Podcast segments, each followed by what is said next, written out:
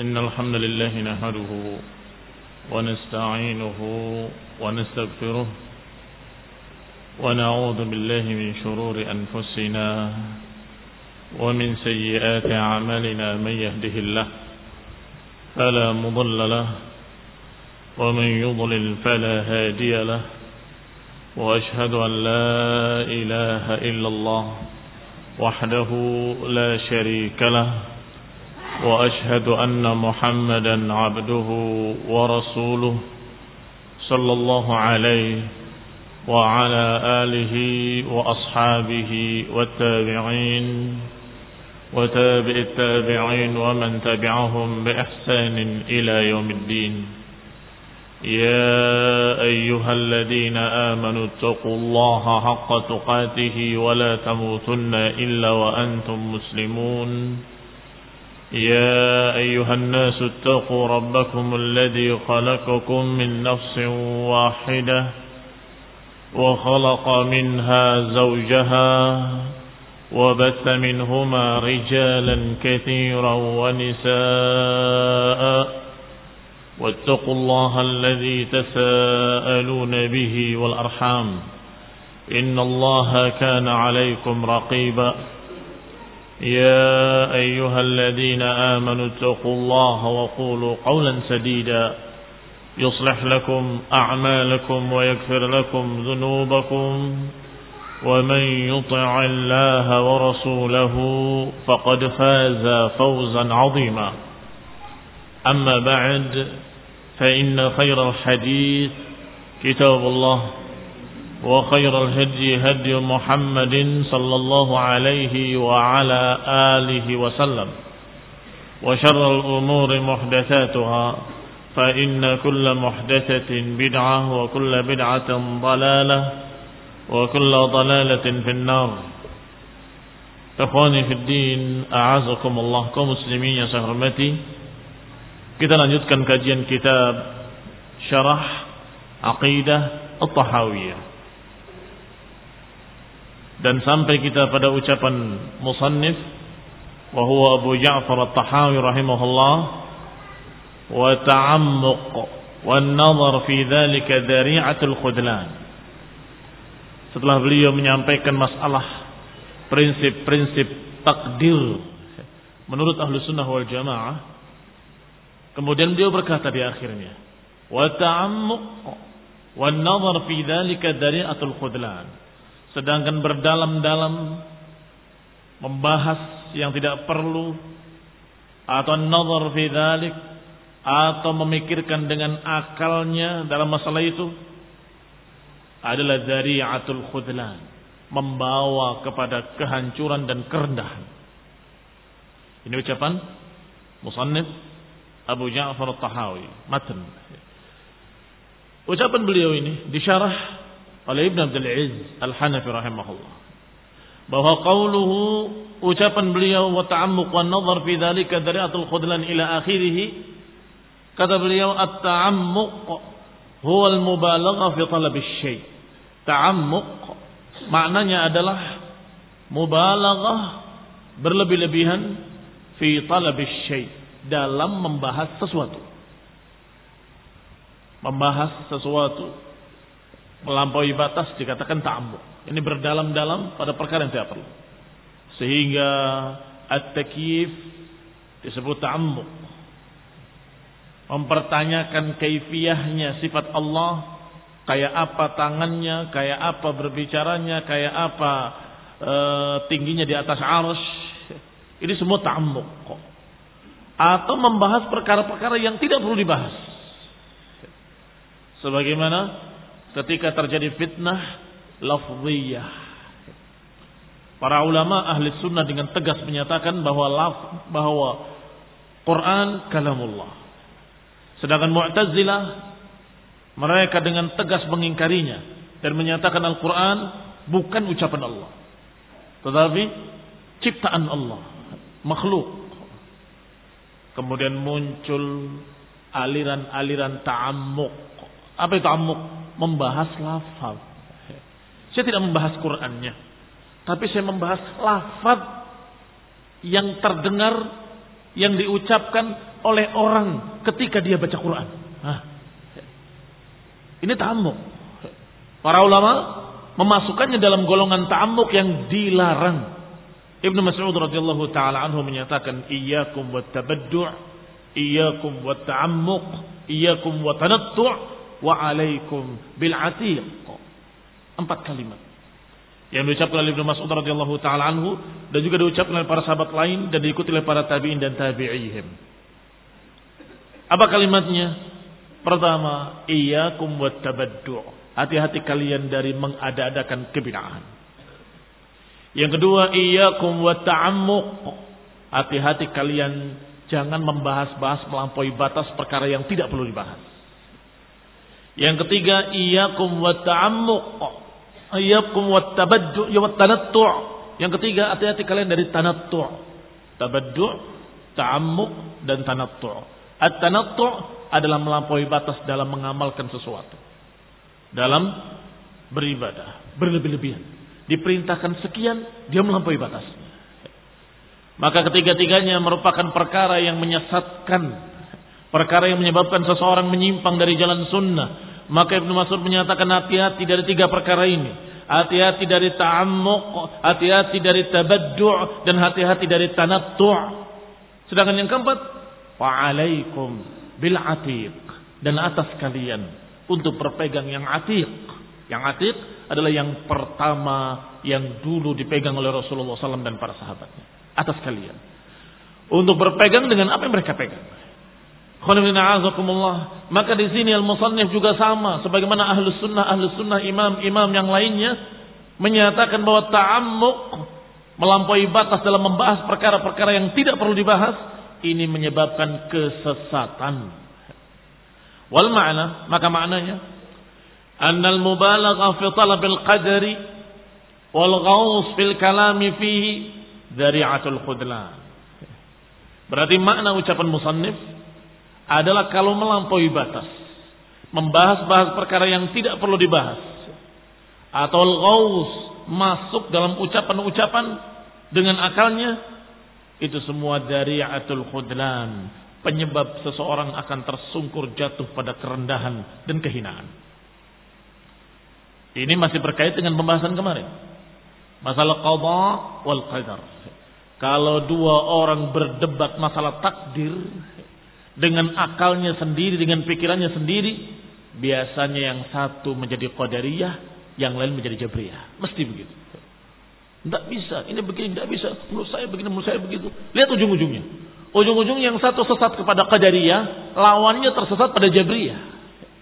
Ini bahayanya kalau kita membahas dengan akal bodoh kita atau dengan berbagai macam ilmu kalam, ilmu filsafat, maka yang terjadi adalah kesesatan Qal Dhari'atul khudlan.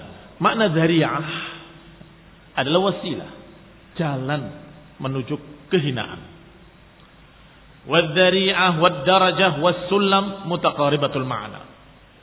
Dan tiga kata, apakah dhari'ah atau darajah atau sulam atau yang keempat, was dhari'ah, wasilah. Lihat, wasilah, dhari'ah, darajah, sulam. Semuanya bermakna wahid. Dariah yang mengantarkan pada sesuatu. Wasilah juga perantara pada sesuatu. Kemudian darajah juga tangga yang mengantarkan seseorang pada sesuatu. Sulam juga sama. Sulamannya tangga juga. Mutaqaribatul makna semuanya berdekatan maknanya. Wa kadzalikal khudlan wal hirman wat tughyan. Demikian pula tiga kalimat al-khudlan, al-hirman wa tughyan. Itu juga mutaqaribatul ma'na aydan, juga berdekatan maknanya. Khudlan artinya kehinaan, hirman artinya terhalang, tughyan artinya salah jalan atau menyimpang. Juga mutaqaribatul ma'na.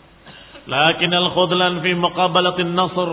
Tetapi di sini khudlan bukan maknanya rendah, artian sesat, tetapi maknanya tidak ditolong diacuhkan. Kadang-kadang khudlan bermakna orang-orang yang diacuhkan. Tidak ditolong oleh Allah Subhanahu wa taala, tidak dibela. Atau bermakna orang-orang yang tidak memiliki penolong dan pembela.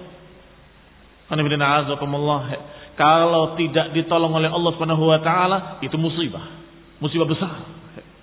Tetapi kalau tidak ditolong oleh manusia sedangkan Allah membelanya maka tidak peduli walaupun seluruh manusia tidak menolongnya.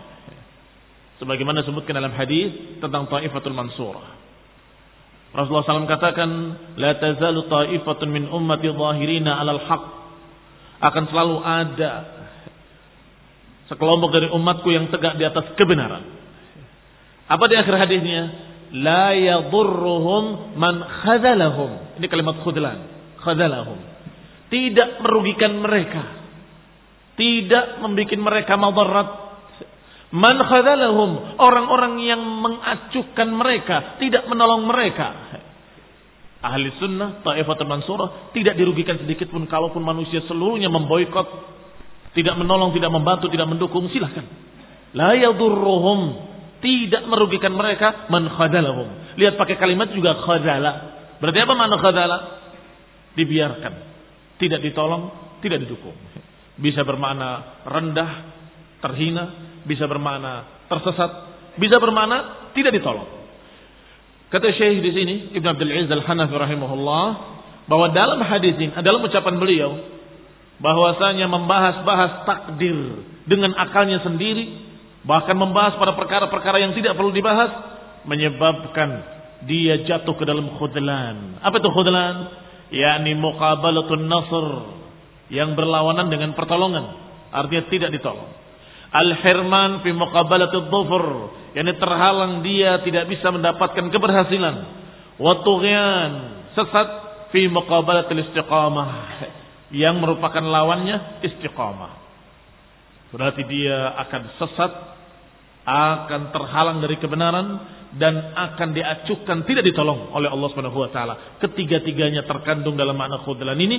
Siapa yang membahas-bahas takdir dengan akalnya sendiri, dengan pikirannya sendiri, dengan ilmu kalam, ilmu mantik, dan dengan melampaui batas, maka dia akan tertimpa khudlan, tidak ditolong oleh Allah, tersesat, menyimpang, dan tidak mendapatkan bimbingan dari Allah Subhanahu wa taala.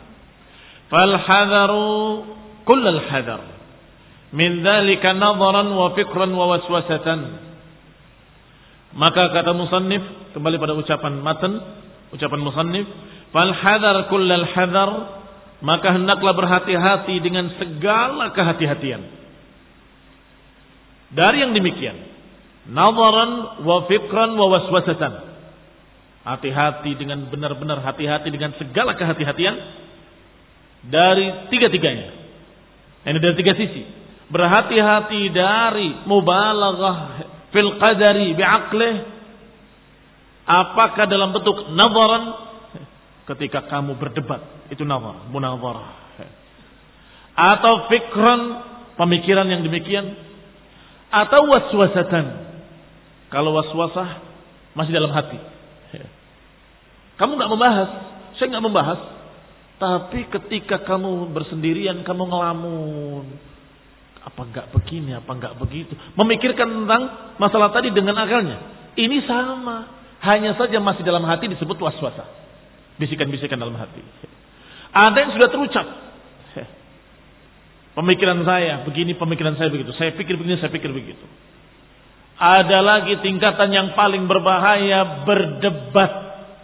Adu argumen, bantah-bantahan, debat kusir. Ini munawarah. Maka hati-hati dari perkara ini. Hati-hati dari membahas-bahas perkara ini berlebih-lebihan. Apakah dengan berdebat atau dengan berbicara dengan ucapan-ucapan kamu dari pikiran kamu atau jangan kamu kemudian was-wasa dalam hati memikir-mikirkan perkara yang sungguh kalian gak akan sanggup memikirkannya.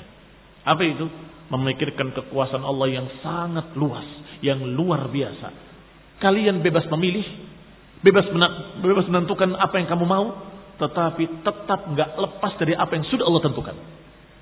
Kok bisa? Bisa bagi Allah.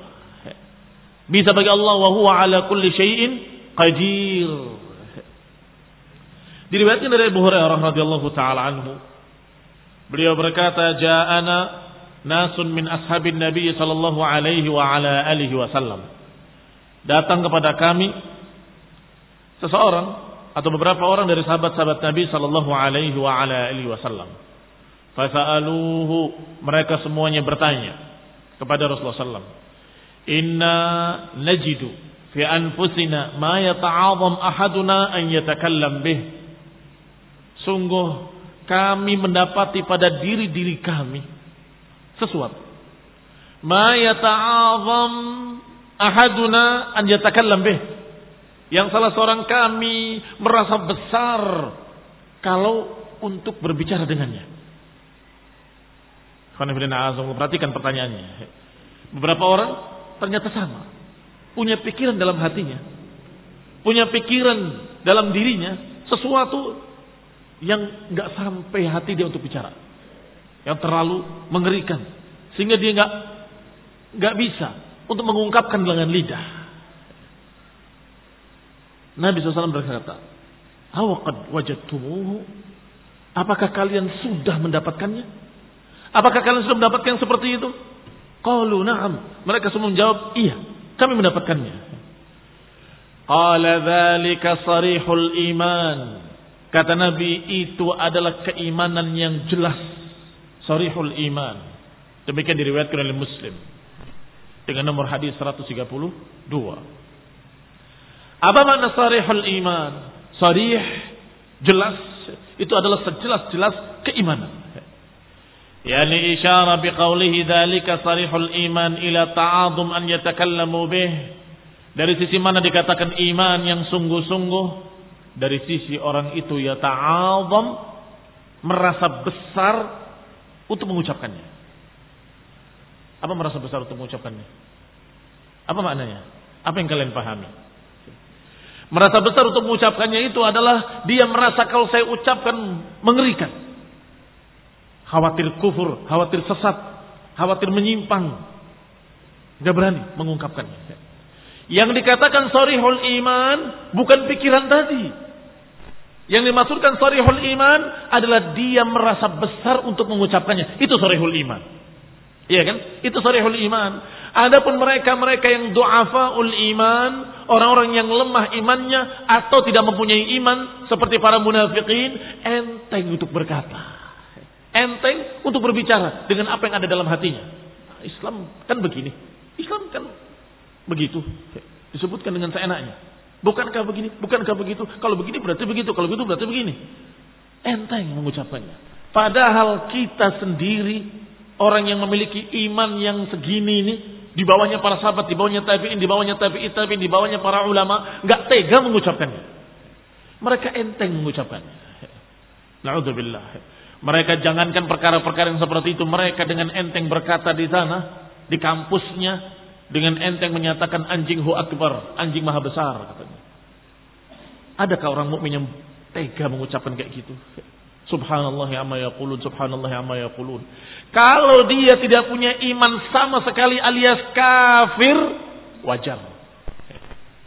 Wajar dia. Apalagi ateis yang menentang seluruh umat beragama, bukan hanya menentang Islam, menentang semua umat beragama. Sehingga tokoh ateisme dia berbicara 6 menit khutbah terpendek sepanjang sejarah. Tetapi khutbah 6 menit itu menggemparkan dunia, bukan hanya kaum muslimin, kaum Kristennya sendiri, kaum Yahudi semuanya marah. Kenapa? Enggak punya iman, sehingga lancang berbicara dan menyatakan aku tantang engkau wahai Tuhan. Itu ucapannya ateis. Ada orang yang berpikiran tidak seperti itu seremnya, tetapi karena punya iman, Gak berani mengungkapkan. Hanya terpikir saja. Kata Nabi, dalika sarihul iman. Kalau kamu masih terpikir dan gak berani mengucapkannya, berarti kamu masih mukmin. Berarti kamu masih mukmin. Kalau punya pikiran-pikiran jelek, ucapkan. A'udzubillahi minasyaitonir rajim.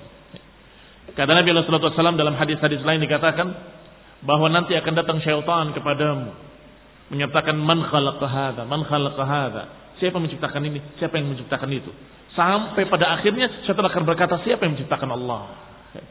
Kalau datang kepada kamu pikiran seperti itu, ucapkan amantu billah. Katakan aku beriman kepada Allah dan ucapkan a'udzubillahi minasyaitonir rajim. Ucapkan a'udzubillahi minasyaitonir rajim dan ucapkan amantu billah. Aku beriman pada Allah Subhanahu wa taala. A'udzubillahi minasyaitonir rajim. Dan tentunya ada ucapan-ucapan atau pikiran-pikiran lain yang dilemparkan oleh syaitan ke benak-benak kita atau ke hati-hati kita yang tentunya ya ta'azam alaina anda takallam bih. Tentunya kita merasa besar untuk diucapkan, nggak berani mengucapkannya. Ini berarti sarihul iman, masih ada keimanan yang jelas padanya. Wali muslim dalam riwayat muslim ini Aydan juga diriwayatkan oleh Muslim dari Abdullah ibn Mas'ud radhiyallahu taala anhu. Kalau tadi dari Abu Hurairah, riwayat berikutnya walaupun dalam Sahih Muslim juga, tetapi dari Ibnu Ibnu Mas'ud radhiyallahu taala anhu. Qala Su'ila Rasulullah sallallahu alaihi wa ala alihi wasallam 'anil waswasah. Rasulullah SAW pernah ditanya tentang waswasah. Bisikan-bisikan hati. Waswasah adalah bisikan hati.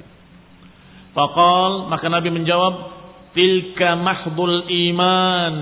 Itu adalah iman yang murni. Apa maksudnya? Kata Syekh Ibn Abdul Aziz Al-Hanafi, huwa bimana hadis Abi Hurairah. Hadis ini juga sama, semakna dengan hadis Abu Hurairah tadi. Ketika mereka bertanya Rasulullah, kadang-kadang terpikir oleh kami pikiran-pikiran yang mengerikan, yang kami nggak tega mengucapkannya, nggak mampu mengucapkannya, mengungkapkannya. Kata Nabi, itu adalah iman murni. Itu adalah sarihul iman. Dari Abu Hurairah dan juga dari Abdullah ibn Mas'ud radhiyallahu taala anhu. Fa inna waswasatan nafsi aw mudafa'atu waswasiha bimanzilatil muhadatsatil kaina itsnain. Karena sesungguhnya bisikan-bisikan jiwa atau membantah dan menolak waswasa yang ada pada jiwa itu kedudukannya sama dengan pembicaraan dua orang.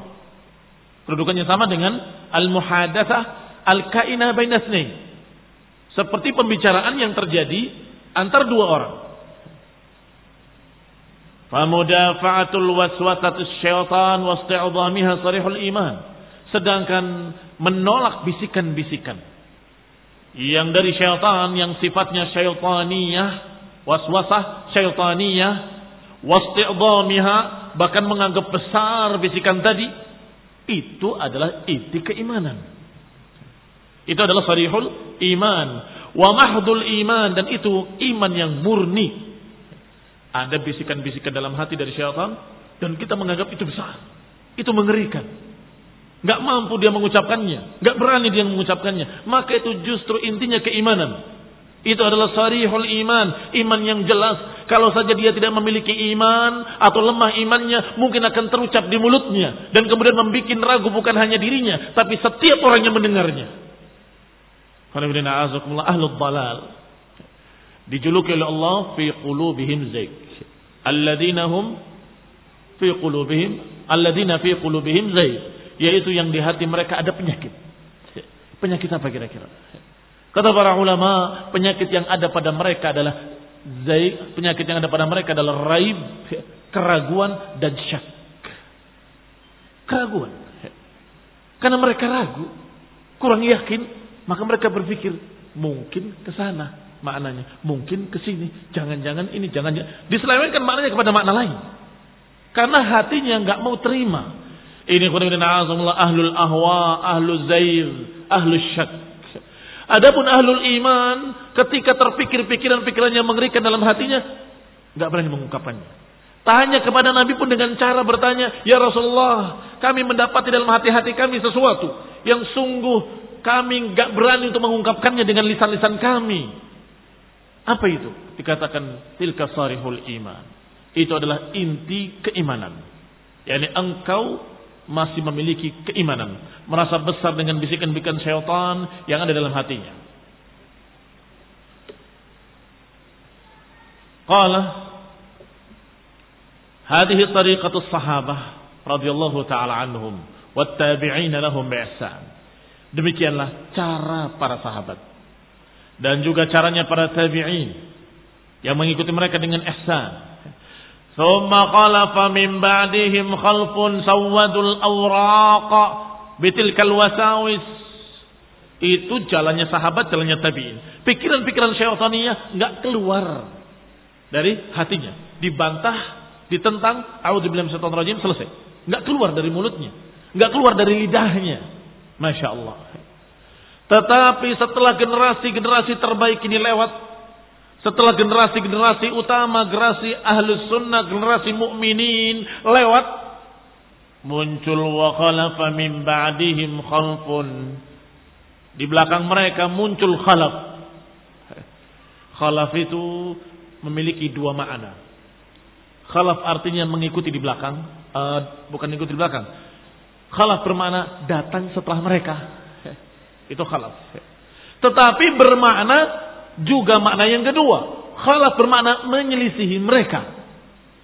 Lihat Sekarang ada orang jalan di depan. Diikuti, diikuti oleh orang di belakang. Kalau diikuti dengan sama, diikuti dengan sama caranya, sama jalannya, maka dalam bahasa Arab disebut taba'ahu. Disebut taba'ahu, mengikuti. Tetapi kalau ada orang jalan di depan, yang di belakangnya ada lagi yang lain, tetapi dengan cara yang berbeda. Itu tidak dikatakan taba'ahu, dikatakan khalafa, menggantikan yang depan. Karena kalimat khalafa bermakna mukhalafah. Mukhalafah artinya menyelisihi, yukhalif. Maka Allah Subhanahu wa taala ketika menyebutkan generasi yang jelek, Allah sebutkan dengan khalafa. Tetapi ketika menyebutkan generasi yang baik, yang mengikuti salafnya, disebutnya bukan dengan khalafa, disebutnya dengan tabi'in. Tabi'in lahum bi'ihsan. Sabiqun al-awwalun minal muhajirin wal ansar. Apa kata Allah selanjutnya? Walladzina taba'uhum bi'ihsan. Dan yang mengikuti mereka. Disebutnya tabi'in. Tetapi ketika Allah menggambarkan yang di belakang yang jelek-jelek, Allah tidak mengatakan dengan kalimat taba'ahum, menyatakan dengan kalimat khalafa. Wa khalafa min ba'dihim khalfun adha'u salata wa taba'u syahawat, fasawfa yalqawna ghayya. Di belakang mereka ada generasi lain. Fa khalafa min ba'dihim khalfun. Di belakang mereka ada generasi lain yang adha'us salah wattaba'us syahawah yang mereka menyia-nyiakan salat dan juga mengikuti syahwat maka mereka akan mendapati kesesatannya setelah menceritakan tentang para anbiya setelah menceritakan orang-orang saleh setelah menceritakan bagaimana mereka menangis ketika mendengarkan ayat-ayat Allah Subhanahu wa taala, setelah menggambarkan mereka para tayyibin, salihin, mukminin, Allah katakan wa khalafa min ba'dihim khalfun. Di belakang mereka ada khalaf. Yang tidak seperti pendahulunya, yaitu menyia-nyiakan salat dan mengikuti syahwat. Kembali pada ucapan Asy-Syarih rahimahullah. Qala maka cara para sahabat dan tabi'ina lahum dan yang mengikuti mereka dengan ihsan adalah menyimpan atau bukan menyimpan, menahan diri untuk mengucapkan bisikan-bisikan syaitan yang terbersit di benaknya. Cara para sahabat dan tabi'in dan tabi'ina lahum bi ihsan adalah tidak membuka, tidak mengucapkan apa yang terpikir di benaknya dari pikiran-pikiran syaitan. Tapi justru dibantahnya sendiri a'udzubillahi minasyaitonir rajim dan kemudian disimpan atau dibuang. Tidak kemudian diucapkan. Namun khalafa min ba'dihim khalfun. Ternyata di belakang mereka ada kelompok lain yang tidak mengikuti salafnya. Sawadul awraqa bitilkal wasawis. Mereka justru memenuhi kertas-kertas dengan seluruh waswasah mereka. Ya, ini menulis apa yang dipikirkan di otaknya dari wasawisi syaitan ditulis. Qal allati hiya syukuk wa syubah. Yang semuanya dalam bentuk syukuk, syak, syak keraguan-keraguan wa syubah dan syubhat syubhat. Jamaknya syubah. Bal wasawadul quluba bahkan bukan hanya memenuhi kertas-kertas tetapi juga memenuhi hati-hati mereka. Dengan berbagai macam pikiran-pikiran itu. Dan bukan hanya hati-hati mereka tetapi memenuhi hati-hati orang lain dengan pikiran-pikiran jeleknya dengan subhat-subhatnya dengan wasawisi syaitaniyah dengan waswasah-waswasah syaitan. Bisa terbayang siapa ini digambarkan Mereka lah ahlul ahwa, ahlul bid'ah wa dalalah. Terpikir di benaknya. Jangan-jangan ini. Itu masih di hati. Terpikir. Bukannya dibantah sebagaimana salafus saleh, bukannya dipertanyakan kepada para ulama, tetapi justru dia tulis. Subhanallah. Saya merasa mendapatkan ilham dari Allah Subhanahu wa taala. Terpikir di benak saya satu pikiran yang sangat bagus yang cemerlang, sungguh tidak diberikan kepada para sahabat juga tabi'in, tidak juga tabi'it tabi'in. Gak pernah diriwayatkan oleh mereka mereka itu tafsir ayat ini. Ternyata saya dibuka oleh Allah pikiran saya untuk bisa memahami ayat ini dengan pemahaman yang lain, tidak seperti mereka. Astagfirullah. Malah bangga dan merasa dirinya lebih hebat dari sahabat. Ternyata dalam tafsir-tafsir tidak disebut. Dalam ucapan para tabiin tidak disebut. Para ulama tidak menyebut. Berarti ini memang kehebatan saya. Terpikir di benak saya satu makna yang lain yang tidak pernah disebut oleh mereka. Harusnya kalau ada pikiran seperti itu, istighfar, astagfirullah. Ini pemikiran sesat. Bid'ah, muhdasa, bukan bangga. Langsung dia cetuskan dalam bentuk tulisan makalah. Masukkan ke koran. Ya.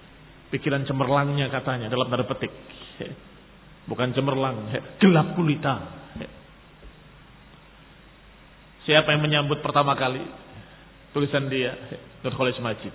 Wah, ini orang cerdas. Diundang ke para Madinah. Coba kamu sampaikan apa pikiranmu yang kamu tulis di koran kemarin. Kami ingin mendengarnya. Diangkat, diangkat, diangkat, dianggap hebat. Lihat yang menyambutnya, lihat yang menangkapnya, lihat siapa yang senang dengan itu. Para syaitan al-ins. Para setan-setan manusia. Harusnya seperti para sahabat dan tabi'in. Ya ta'awam merasa besar untuk mengucapkannya. Ah, tidak pantas. Siapa saya, siapa salam. Siapa saya, siapa para sahabat, siapa tabi'in. Kalau mereka tidak menyebutkannya, apalagi saya. Saya nggak berani. Ini nggak beraninya ini mana ya ta'awam an yatakallam bih, merasa besar untuk mengucapkannya. Merasa tidak berani untuk mengucapkannya. Maka ini sorehul iman. Tetapi khalafa min ba'dihim khalfun. Tetapi generasi di belakang ini na'udzubillah justru menyelisihi generasi pertamanya. Memenuhi kertas-kertas. Saya terjemahkan memenuhi walaupun kalimatnya sawadu. Sawadu itu menghitamkan.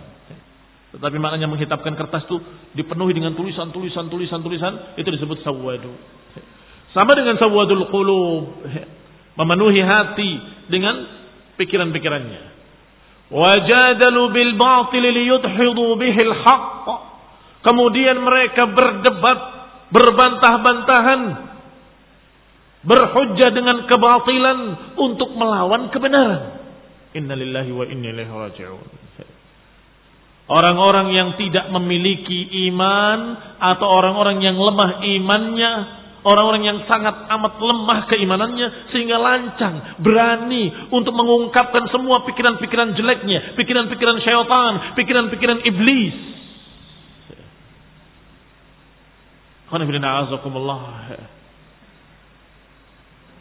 Na'udzubillah. Ucapan-ucapan mereka, na'udzubillah. Pernah saya mendengar dari mereka, ucapan-ucapan seperti itu. Saya heran, kenapa kok dia lancang membuat bingung umat dengan kalimat-kalimat seperti itu. Apakah Allah bisa menciptakan sesuatu yang lebih besar dari dirinya? Kalau bisa, berarti ada yang lebih besar dari Allah. Kalau nggak bisa, berarti Allah tidak kuasa mutlak. Astagfirullah. Goblok yang sangat plus kufur. Goblok yang sangat dan plus kekafiran. Harusnya kalimat seperti itu hanya di pikiran dia, buang jauh-jauh auzubillahi minasyaitonir rajim. Dan itu kalau oleh seorang yang memiliki ilmu sedikit saja tentang akidah tauhid, dia akan paham bahwa kekuasaan Allah beriringan dengan iradah. Allah bisa menciptakan apa pun sekehendaknya, mutlakon, seluruhnya apa pun sebesar apa pun bisa. Dan menciptakan apa pun yang sebesar apa pun bisa bagi Allah. Lo berarti ada yang lebih besar? Tidak ada. Tidak ada. Karena Allah tidak mau menciptakan yang lebih besar. Mau apa? Ya. Iya kan? Allah kalau mau, Allah bisa menciptakan apa pun. Tapi sudah dikatakan tidak ada yang lebih besar dari Allah. Allahu Akbar, Allahu Akbar, Allahu Akbar. Ini satu contoh yang mengerikan. Saya mengucapkan tadi ragu-ragu. Jangan sampai kita mengucapkan kalimat itu yang terpit, berpetik di kepala ini. Jangan diucapkan. Ucapkan auzubillahi rajim. Syubhat-syubhat syaitaniyah akan muncul di benak-benak seseorang kadang-kadang dari orang lain Kadang-kadang dari syaitan langsung di pikirannya, iya ya, kenapa nggak begini, kenapa nggak begitu. Apalagi berkaitan dengan takdir, muncul bisikan-bisikan syaitan, bukan hanya satu bisikan, wasawis, sekian banyak waswasa. Berarti untuk apa beramal? Berarti, berarti, berarti. Terah. Dak. Dak berarti berarti tadi di tempatmu di negerimu. Tinggalkan di tempatmu.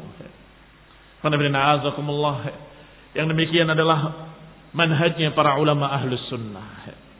Ketika ada seorang yang bertanya, kemudian muncul pertanyaan iftiradi. Atau pertanyaan iftiradi. Lau kana kata gimana? Lau kana kata bagaimana? Kalau begini bagaimana? Kalau begitu bagaimana? Kalau nanti kita pindah ke bulan bagaimana? Kalau kita nanti begini bagaimana? Bagaimana? Bagaimana? Maka dijawab oleh para ulama, Trahlau fil Yaman. Tinggalkan laumu di Yaman. Ini orangnya kebetulan dari Yaman. Tinggalkan laumu di Yaman sana. Jangan bawa ke sini. Apa maknanya? Nanti kalau sudah terjadi, kamu tanyakan. Kalau belum terjadi, nggak perlu pakai lau. Kalau, kalau, kalau. Ini termasuk ta'amuk. Termasuk ta'amuk. Berdalam-dalam pada perkara apa yang tidak perlu. Mereka membahas Sampai perkara-perkara yang seperti itu. Berarti kalau nanti kita hijrah ke bulan, kita sholatnya berbaring. Karena menghadapnya ke atas. Buminya ada di atas sana. Ini adalah penyakit-penyakit mereka. Yang senang ta'amuk. Senang membahas-bahas perkara yang seperti itu. Yang belum terjadi. Atau perkara yang dalam keadaan iftiradi. Iftiradi itu masih anggapan-anggapan. Kalau begini, kalau begitu. Kalau begini, kalau begitu. Kembali kepada ucapan al-musannif, ucapan syarih rahimahullah. Bal sawwadul quluba wa jadalu bil batil yudhidu bil haqq liyudhidu bihil haqq. Maka muncul generasi tadi, generasi-generasi yang tidak mengikuti salafnya sehingga mereka memenuhi kertas-kertas dengan penuh waswasah-waswasah pikiran-pikiran jelek yang dituang di dalam kitab-kitab mereka, bahkan dituangkan ke hati-hati kaum muslimin, wajadlu bil batil, kemudian berbantah-bantahan, berdebat, berhujjah dengan kebatilan, melawan kebenaran, walidzalika atnaba syekh rahimahullah fi dhammil khawdi fil kalam fil qadar wal fahs anhu. Oleh karena itu syekh atnaba berpanjang lebar dalam masalah ini. Berpanjang lebar dalam masalah dhammil khawd fil kalam berpanjang lebar dalam mencerca, menggambarkan betapa jeleknya kita masuk ke dalam ilmu kalam. Betapa jeleknya kita membahas dalam masalah takdir dengan ilmu filsafat. Lihat al-khawd fil kalami fil qadari wal fahsyi anhu. Yani beliau mencerca, melarang agar jangan kita berbicara dengan hawa nafsu kita, berbicara tentang takdir, berbicara tentang berbagai macam yang berkait dengan takdir wal anhu membahas-bahas perkara yang tidak perlu dibahas sekitar masalah takdir dilarang oleh beliau oleh syekh wa atnaba dan berpanjang lebar. Tidak hanya satu kalimat tapi terus diulang lagi diulang lagi diulang lagi. Wa an Aisyah radhiyallahu taala anha. Dari Aisyah semoga Allah meridai beliau. Bahwa beliau berkata Qala Rasulullah sallallahu alaihi wa ala alihi wasallam bahwa Nabi sallallahu alaihi wa ala alihi wasallam bersabda Ar-rijal abghadur rijal ila Allah al-aladul khusam. Abghadur rijal ila Allah sejelek-jelek yang paling dibenci oleh Allah dari kaum laki-laki ini dari seseorang adalah al-aladul khusam al-alad al-khusam yang paling kaku, keras, tukang debat. Itu paling gak disukai. Paling dibenci oleh Allah Subhanahu wa taala. Kalau Imam Ahmad, berkata Imam Ahmad rahimahullah, haddatsana haddatsana Muawiyah, haddatsana Abu Muawiyah qala haddatsana Dawud ibn Abi Hind an Amr ibn Shu'aib an abihi an jaddih.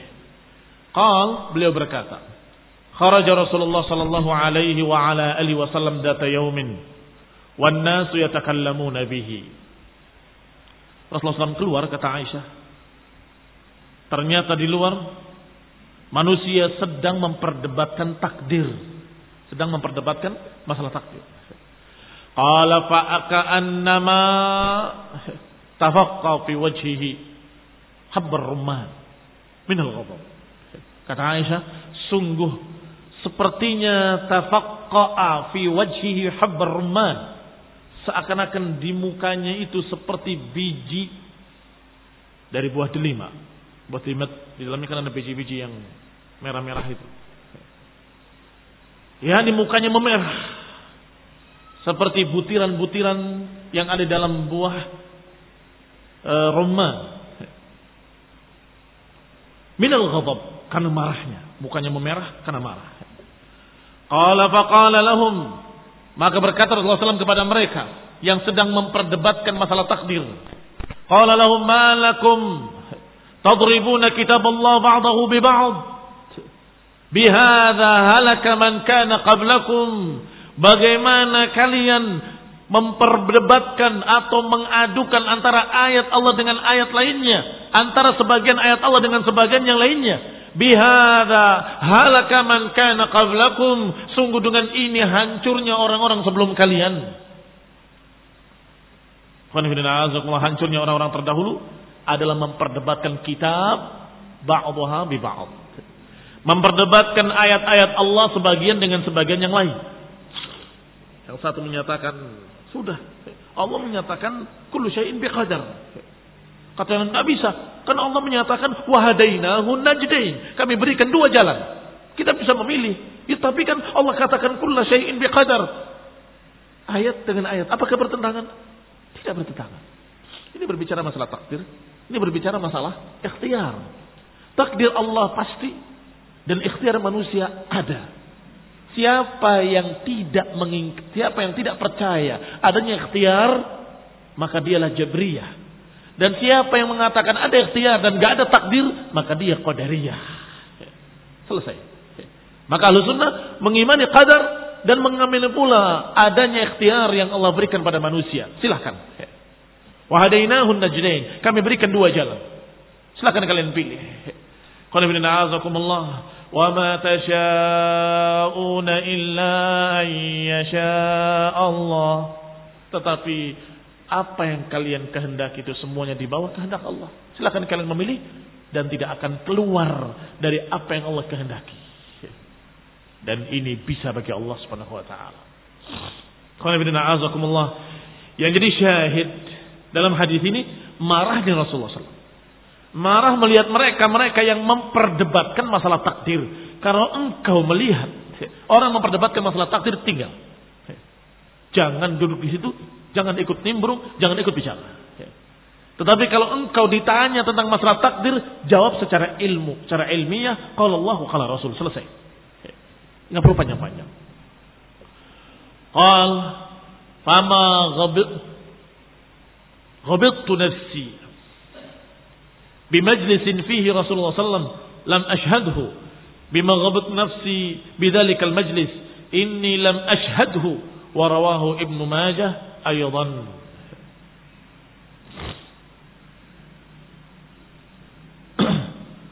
Imam Ahmad rahimahullah meriwayatkan dengan sanadnya sampai kepada Amr bin Shu'aib dari ayahnya. Setelah ayahnya menyampaikan hadis ini, dia menyatakan sungguh aku tidak pernah menyesali majlis yang ada di sana Rasulullah SAW seperti majlis ketika itu. Namanya majlis ada Rasulullah SAW selalu indah. Tapi saat itu majlis ada Rasulullah SAW datang. Tetapi sungguh paling aku sedihkan. Kenapa? Karena Rasulullah SAW marahnya bukan main. Sampai menyesal harusnya nggak nggak berbicara masalah itu. Semestinya kami tadi nggak bicara masalah itu. Ini menyesalnya para sahabat.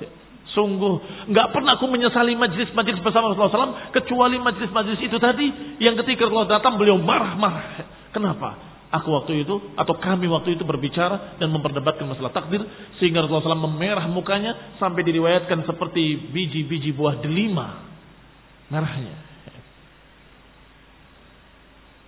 Qala ta'ala Allah Subhanahu wa taala berfirman فما استمتعتم كما استمتع الذين من قبلكم بخلاقكم بخلاقهم وخضتم كالذي خاضوا فما استمتعتم كما استمتع الذين من قبلكم من قبلكم بخلاقهم kalian tidak mendapatkan kesenangan seperti kesenangan mereka-mereka yang sebelum kalian dengan khalaqihim dengan apa yang diberikan kepada mereka dari bagian mereka.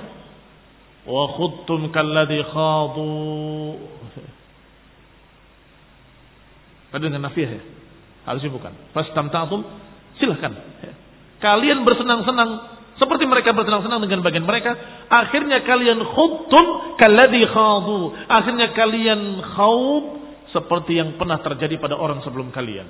Khawb maknanya berjalan tanpa ilmu. Khaut masuk pada sesuatu dalam keadaan tidak tahu ilmunya.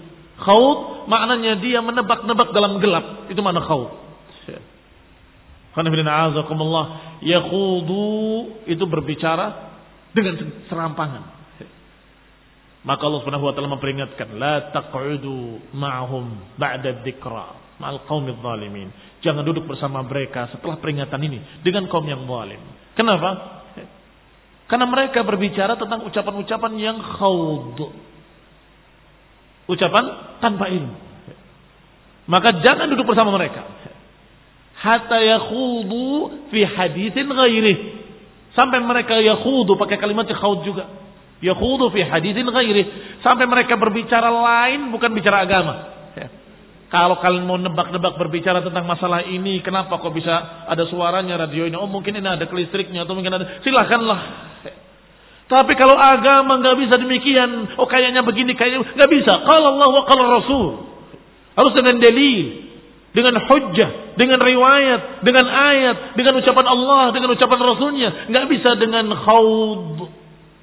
kata Allah, kalau kalian mengikuti jejak mereka, kalian ingin bersenang-senang seperti mereka bersenang-senang, atau kalian ingin mendapatkan seperti apa mereka dapatkan, Akhirnya kalian khuttum kalladhi khadu. Akhirnya kalian berjalan tanpa ilmu seperti mereka dulu berjalan tanpa ilmu, berbicara tanpa ilmu, menebak-nebak agama. Barangkali saja diterima oleh Allah. Barangkali saja bisa mengantarkan ke dalam surga. Barangkali saja bisa menambah-nambah pahala. Astagfirullah. Perkara jannah dan nar perkara yang pasti. Perkara yang pasti. Bukan perkara yang ragu-ragu. Maka jalan menuju jannah harus dengan perkara yang pasti. Karena masalahnya nggak bisa diulang. Nggak bisa diulang. Oh, ternyata salah. Kita ulangi. Nggak bisa. Kalau kamu tebak-tebakan masalah dunia, coba kita pakai ini. Kalau nggak bisa, pakai ini. Kalau nggak bisa, pakai ini. Ya silahkan. Itu masalah dunia bisa diulang. Tapi masalah perjalanan menuju akhirat sampai ketika mati menghadap Allah ternyata salah. Apakah bisa diulang? Tidak bisa. Sampai nangis darah sekalipun menyatakan farji'na na'mal salihan inna muqinun. Ya Allah kembalikan kami ke dunia. Kami sekarang yakin. Tidak bisa. Tidak akan dikembalikan oleh Allah taala. Walaupun meratap meminta pada Allah Subhanahu wa taala farji'na na'mal salihan inna muqinun. Kembalikan ya Allah ke dunia sebentar saja. Tidak bisa. Kalau begitu, sekarang kita beramal dengan amalan yang saleh untuk mendapatkan jannah harus dengan sesuatu yang pasti. Dan sesuatu yang pasti adalah apa kata Allah, apa kata Rasul dalam hadis yang sahih. Enggak ada lain. Apa kata Allah, apa kata Rasul. Sebagaimana yang dipahami oleh para salafus saleh. Ridwanullah alaihim majma'in. Kalau pakai tebak-tebakan barangkali saja, barangkali saja. Na'udzubillah. Yang terjadi adalah sesat. Dan itu yang dikatakan khuttum kalladhi khadu Al-khalaq maknanya nasib. Bi khalaqihim ini bagian mereka. Qala ta'ala dan Allah berfirman, "Wa ma lahu fil akhirati min khalaq." Dan bagi mereka di akhirat tidak mendapatkan khalaq, bagian. Ay samta'tum binasibikum kama stamta'al min qablikum binasibihim. Yani kalian bersenang-senang dengan bagian yang Allah berikan pada kalian sebagaimana orang-orang terdahulu bersenang-senang dengan apa yang Allah berikan pada mereka dari bagian mereka. Wa khuttum kalladhi khadu. Kemudian kalian berjalan tanpa petunjuk. Sebagaimana orang terdahulu berjalan tanpa petunjuk. Aikal khawdil ladhi khadu. Yani kalian seperti mereka terdahulu sama khadu. Awkal fauji awil sinfi awil jil alladhi khadu. Yani seperti golongan mereka atau seperti jenis mereka atau seperti generasi mereka. Fauj adalah satu gelombang manusia. Asin satu jenis manusia. Atau jail satu generasi manusia. Ya ini seperti generasi mereka. Wa jama'a subhanahu wa ta'ala bain al-istimta' bil khalaqi wa bain al-khawt lianna fasaduddin imma fil amal wa imma fil i'tiqad. Kenapa digabungkan di sana? Oleh Allah Subhanahu wa taala dua perkara. Al-istimta' dengan al-khawf. Al-istimta itu bersenang-senang. Sedangkan al-khawd adalah berjalan tanpa ilmu. Apa maknanya? Kenapa kau diiringkan bersama-sama? Kalian mengikuti mereka dalam dua hal itu. Dalam masalah istimta dan dalam masalah Nah. Kalau dikatakan di sini, lianna fasaduddin imma fil amal wa imma fil i'tiqad. Karena rusaknya agama itu bisa dari dua sisi bisa dari sisi pengamalan, bisa dari sisi keyakinan. Fal awal bin jihati syahwat. Maka kalimat istimta pertama kali fastamta'tum hendaklah kalian bersenang-senang seperti mereka bersenang-senang. Ini syahwat. Ya ini pengamalan-pengamalan kalian intinya adalah memuaskan hawa nafsu, bersenang-senang, titik. Wasani sedangkan yang kedua yaitu khaum min jihati syubuhat dari sisi syubhat syubhat. Lihat Allah Subhanahu wa taala menyebutkan dua perkara. Kalian mengikuti orang-orang sebelum kalian dari sisi ini dan sisi ini. Karena kesesatan agama ada dua sisi. Satu sisi syahwat, satu sisi syubhat. Syahwat itu terkandung dalam kalimat fastamta'tum bi khalaqikum kama istamta'u. Hendaklah silahkan kalian bersenang-senang seperti mereka bersenang-senang. Ini syahwat. Kemudian wa khuttum kalladzi khadu dan kalian sembarangan berbicara, lancang dalam berpikir, lancang dalam menentukan perkara-perkara sebagaimana orang terdahulu. Ini masalah i'tiqad, masalah akidah. Oh berarti begini, berarti begitu. Menebak-nebak sendiri dengan pikirannya. Ini masalah akidah. Masalah prinsip-prinsip akidah dan pemikiran.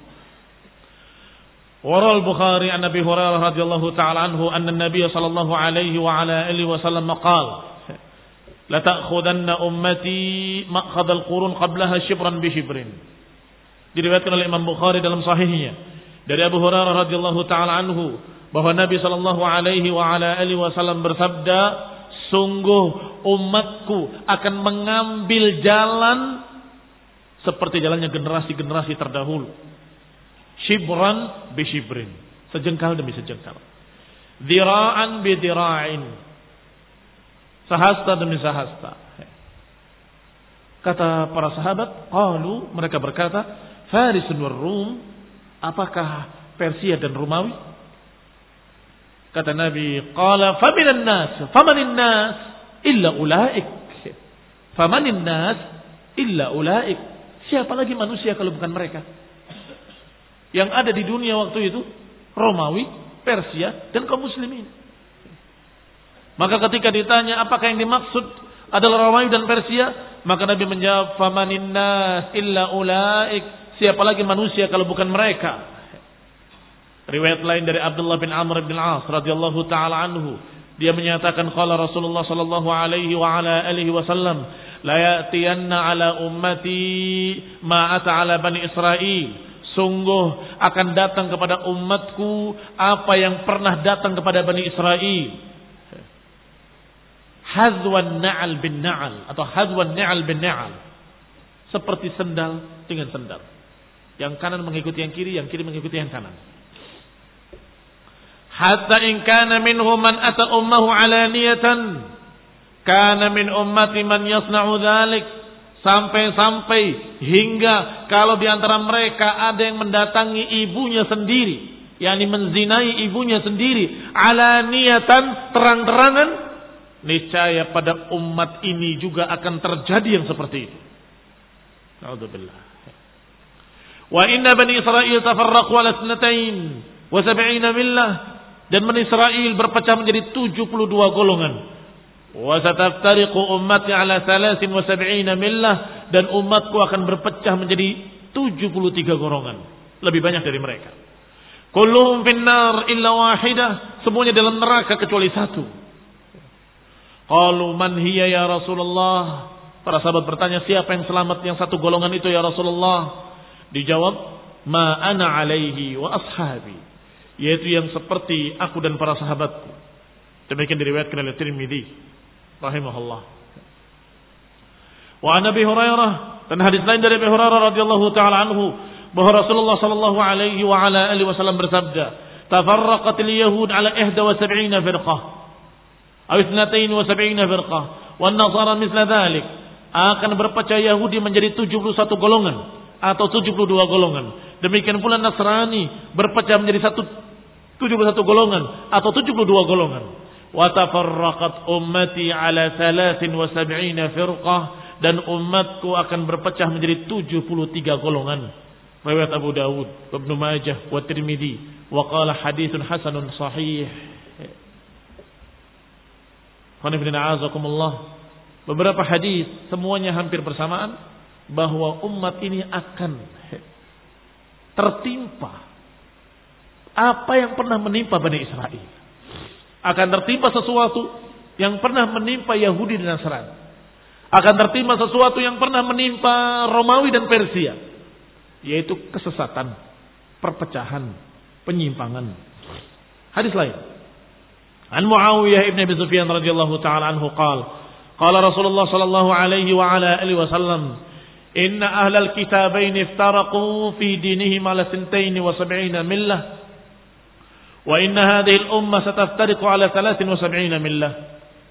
Dalam riwayat ini dari Muawiyah radhiyallahu taala anhu bahwa umat ini akan umat yang terdahulu ahlul kitabain Yahudi dan Nasrani berpecah menjadi 72 golongan.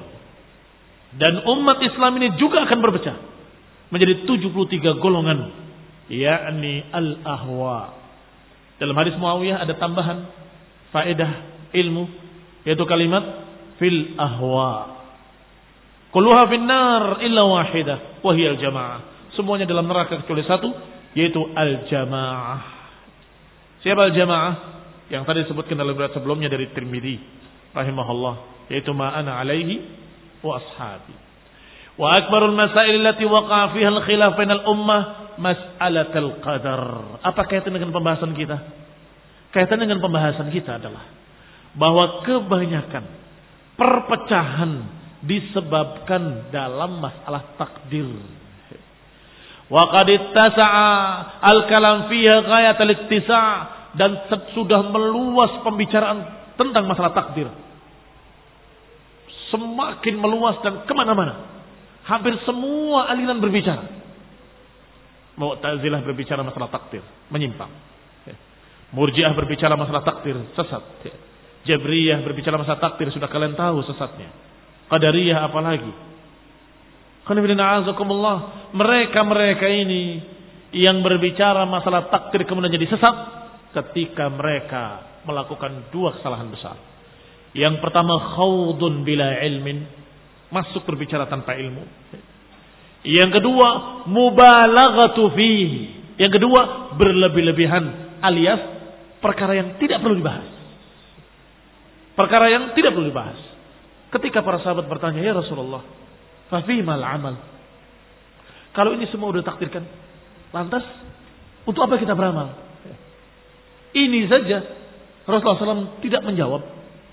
Tetapi hanya menegaskan kembali syariat. I'malu. Kullun muyasar li'amalihi. Pokoknya beramalah.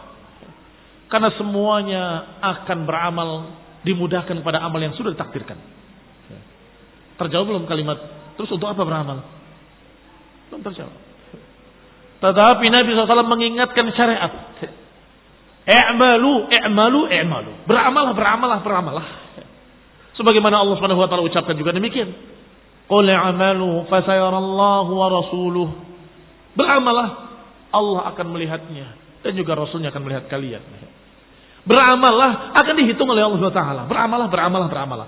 Apa makna kalimat i'malu? Makna kalimat i'malu adalah jangan kalian gugurkan syariat Allah. Jangan kalian gugurkan syariat Islam, syariat Quran wa sunnah. Ini halal, ini haram, ini harus, ini wajib, ini nggak boleh, ini kerjakan, ini jangan kerjakan. Itu semua kalian terapkan. Jangan dibatalkan.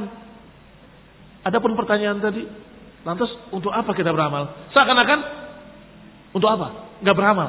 Ini gak, untuk apa ngapalin? Untuk apa kita mengamalkan? Untuk apa kita kerjakan kalau semuanya sudah takdirkan? Untuk apa usaha? Artinya seakan-akan usaha itu gak perlu. Alhamdulillah. Maka Rasulullah SAW menjawab dengan jawaban yang paling bagus, paling tepat. Yang memang diperlukan oleh mereka dan diperlukan oleh kita dan seluruh kaum muslimin. Yaitu penegasan i'malu i'malu. Beramallah. Takdir kita imani. Tapi kita nggak tahu takdir. Serahkan pada Allah Taala. Sekarang usaha, usaha, usaha. Selesai. Kalau ternyata usahanya sudah maksimal, ternyata gagal, baru kita ingat. Qaddar Allah. Ini sudah takdir Allah. Wa ma sya'a fa'al. Mafhum. Sehingga usaha kembali setelah itu. Tidak putus asa. Dan selalu berharap pada Allah Ta'ala. Semoga Allah takdirkan. Semoga Allah berikan pada kita keberhasilan.